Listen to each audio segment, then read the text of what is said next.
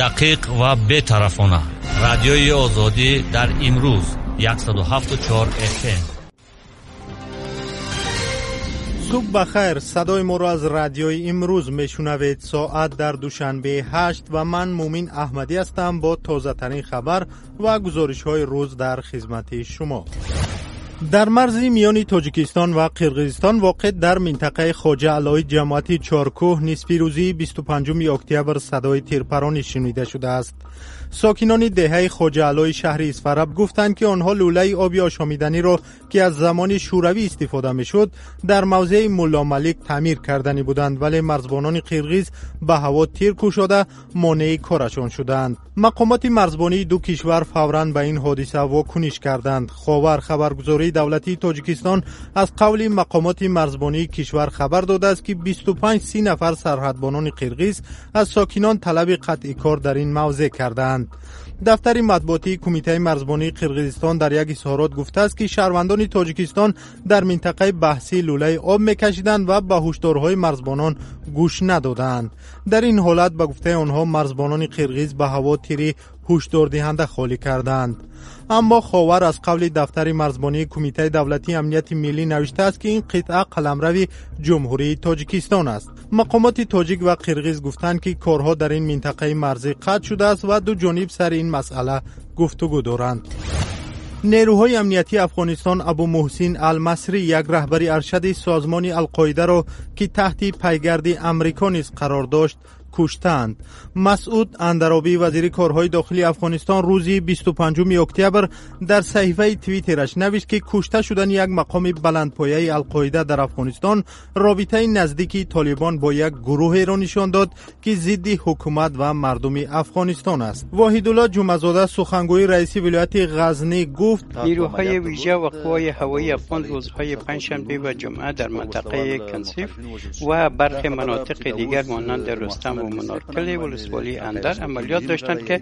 در نتیجه آن شش جنگجوی مخالف کشته شدند اما ما درباره کشته شدن المصری یک عضو مهم القاعده معلومات نداریم المصری را شهروند مصر می‌دانند که با نام حسام عبدالرؤوف شناخته می شود او را یک رهبری تاثیرگذار القاعده در نیم جزیره هندوستان می‌دانستند که به عملیات های تروریستی رهبری می‌کرد. او در رویخط افراد تحت جستجوی اف بی آی بیوروی فدرالی تفتیشات ایالات متحده آمریکا همچون نفری که شهروندان امریکا را می‌کشد قرار داشت.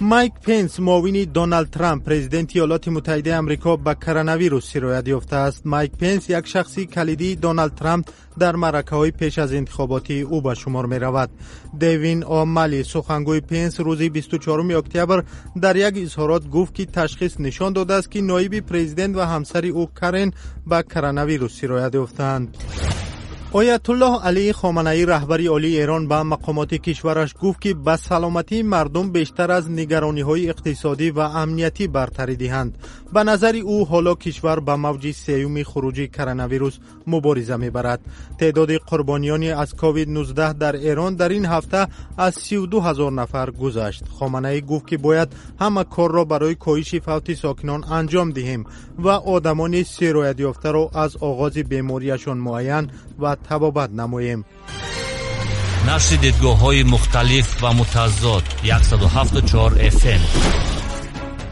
نیروهای مسلح آذربایجان و ارمنستان روزی 24 اکتبر نیز به زد و خورد در داخل و اطراف قرباغ کوهی ادامه دادند یک روز پیش وزیران کارهای خارجی دو کشور در واشنگتن با مایک پامپئو کاتب دولتی امریکا به طور جداگانه راههای حل جنگ بر سر قرباغ کوهی را بحث کردند میرزانبی خالقزاد تفصیلات بیشتر دارد سخنگوی وزارت امور خارجه امریکا در اعلامیه گفت مایک پامپیو به پایان دادن به خشونت ها و حمایت از غیر نظامیان تاکید کرده است وی افزود وزیر امور خارجه به مذاکرات زیر گروه مینسک سازمان امنیت و همکاری در اروپا تاکید نمود ایالات متحده امریکا، فرانسه و روسیه گروه مینسک را مشترک رهبری می کنند. این گروه در سال 90 برای پیدا کردن راه حل به مسئله قره باغ کوهی تشکیل شده بود. در همین حال وزیر امور خارجه ارمنستان هنگام بیرون شدن از دیپارتمنت دولتی امریکا به خبرنگاران گفت دیدارش با پامپیا خیلی خوب بود. او افزود تلاشها برای برقرار کردن آتش بس ادامه دارد ولی هر گونه فرضیه را برای نقش ترکیه همچون میانه رد کرد وزیر کارهای خارجی آذربایجان جیهون بیراموف گفت به مایک پامپیو گفته است باید به اشغال ارمنستان بر منطقه قرهباغ کوهی پایان داده شود. و گفت آنها به پیدا کردن راه حل سیاسی مسئله قرهباغ کوهی پایبند هستند و همزمان افزود برای از سرگیری فوری گفتگوهای سازنده برای حل مسئله آماده باشند. حتی در زمانی که گفتگوها در واشنگتن ادامه داشت نیروهای دو طرف در قرهباغ کوهی شدیداً سرگرم جنگ و درگیری بودند. در ضمن با وجود آنکه دوباره آتشبس با میانجیگری روسیه در مدت کوتاه پس از توافق از هم شکست رهبران ارمنستان و آذربایجان در روزهای اخیر به موقعه های خود شدیداً تاکید می کنند президенти озарбойҷон илҳом алиев талабе ваъда кардааст ки қарабоғи кӯҳӣ ва ҳафт ноҳияи таҳти назорати арманитаборҳо ба озарбойҷон баргардонида мешаванд ду кишвар солҳо ба ин тараф бар сари минтақаи қарабоғи кӯҳӣ бо ҳам ихтилоф доранд. Ин минтақа ки аксари аҳолияш арманиҳо мебошанд бахши аз хоки озарбойҷон аст ва аз замони поёни ҷанг дар соли 1994 дар назорати арманистон қарор дорад. دو طرف همان سال سازشنامه آتش بس امضا کردند اما این پیمان نیز به اختلاف دو کشور پایان نداد. تلاش های بین المللی برای پایان دادن به این بحران تا به حال بی نتیجه مانده است. با اینکه از آغاز این بحران 32 سال میگذرد مناقشه همچنان ادامه دارد و حدودی سی هزار نفر در این مدت کشته شدند даргириҳои ахир рӯзи 27 сентябри имсол оғоз шуданд. Президенти русия владимир путин чанд рӯз пеш гуфт бовар дорад дар ин ҷанг ҳудудан панҷ ҳазор нафар кушта шудаанд гузориши мирзонабии холиқзодро дар бораи идомаи даргириҳо миёни озарбойҷон ва арманистон шунидед. Додгоҳи ноҳияи фирдавсии шаҳри душанбе ба баррасии қазияи як ҷавондухтари тарроҳ ва коршарика шурӯъ кард парвин ҷаҳонгирӣ тарроҳи ҷавон иддао дорад ки коршарикаш тоҳир иброҳимов ӯро азият додааст. тоҳир иброҳимов ин шикояти парвинро рад карда баръакс тарроҳи ҷавонро ба ваъдахилофӣ муттаҳам мекунад.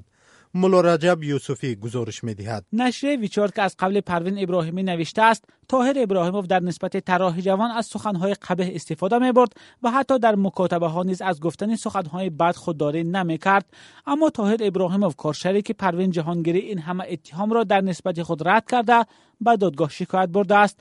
ابراهیموف در نامش به دادگاه نوشته است پروین جهانگیری سر وقت درخواست مشتریان برای دختن لباس را اجرا نمی‌کرد و از این خاطر او ضرر مالی دیده بود.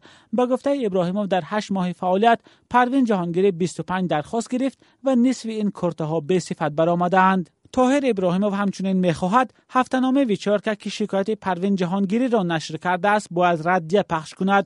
Иброҳимов дар мактубаш ба додгоҳ навиштааст масъулини ҳафтанома ҳолатҳои дар муроҷиат зикр шударо مراجعه ذکر شده را نسنجیده آن را به تب رساندند اما در اداره هفتنامه ویچارکا گفتند گزارش با رعایت طلبات های کسبی آماده شده نظر هر دو جانبی بحث در آن جای داده شده است زولفیا گلب و معلف مطلب بحث برانگیز میگوید هنگام تهیه مطلب مکاتبه های دو نفر را دیدند که چگونه ابراهیموف در نسبت پروین جهانگیری از سخنهای بد استفاده کرده است این مسئول هفتنامه ویچارکا گفت ما поговорили со свидетелями люди которые были мы поговорили с той стороны بعدن از شهیدان پرسیدیم و با бо худи тоҳир иброҳимов ҳам суҳбат кардем ва ӯ ба саволҳои мо посух дод.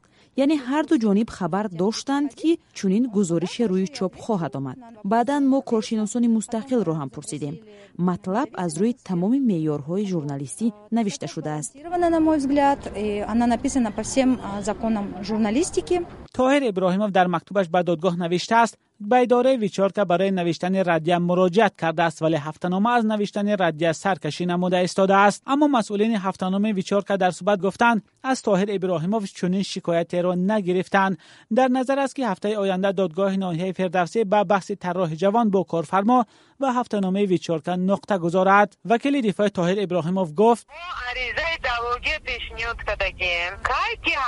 برویه ما می‌بینیم چی چی ناراضی باشیم ما شکایت می‌کنیم؟ پروین جهانگیر طراح جوان می‌گوید هدفش از رسانه کردن شکایتش آن بود که دیگر دختران از گفتن مشکلشان نترسند. چیزی که در مطلب چاپ شد همش حقیقت است. امیدوارم این برای دیگر قربانی ها که از مشکلشان نمی‌گویند درس شود. آنها از گفتن مشکلشان نترسند و این مشکل یعنی تجاوز جسمانی هم از بین رود. شکایت زنان بخصوص جوان دختران از آزار و اذیت در جای کار هرچند در تاجیکستان زیاد رسانه ای نمی شود اما کارشناسان می‌گویند چنین حالت ها زیادند و اکثرا از چشم جامعه پنهان میمانند. گزارش ملا رجب یوسفی را درباره بحث یک طراح با کارفرمایش در دادگاه نوحیه فردوسی شنیدید. صحیفه ما را در یوتیوب با نام آزادی ویدیو مشاهده کنید. آزادی ویدیو نمای از واقعیت های روز است. شما خبر و گزارش های رادیو آزادی را روی موج 174 اف در پیشنهاد من مومین احمدی شنیدید. خبر و ویدیوهای نو را از تاجیکستان و جهان در وبسایت رادیو آزادی بخونید و تماشا کنید. رادیوی آزادی در امروز 174 اف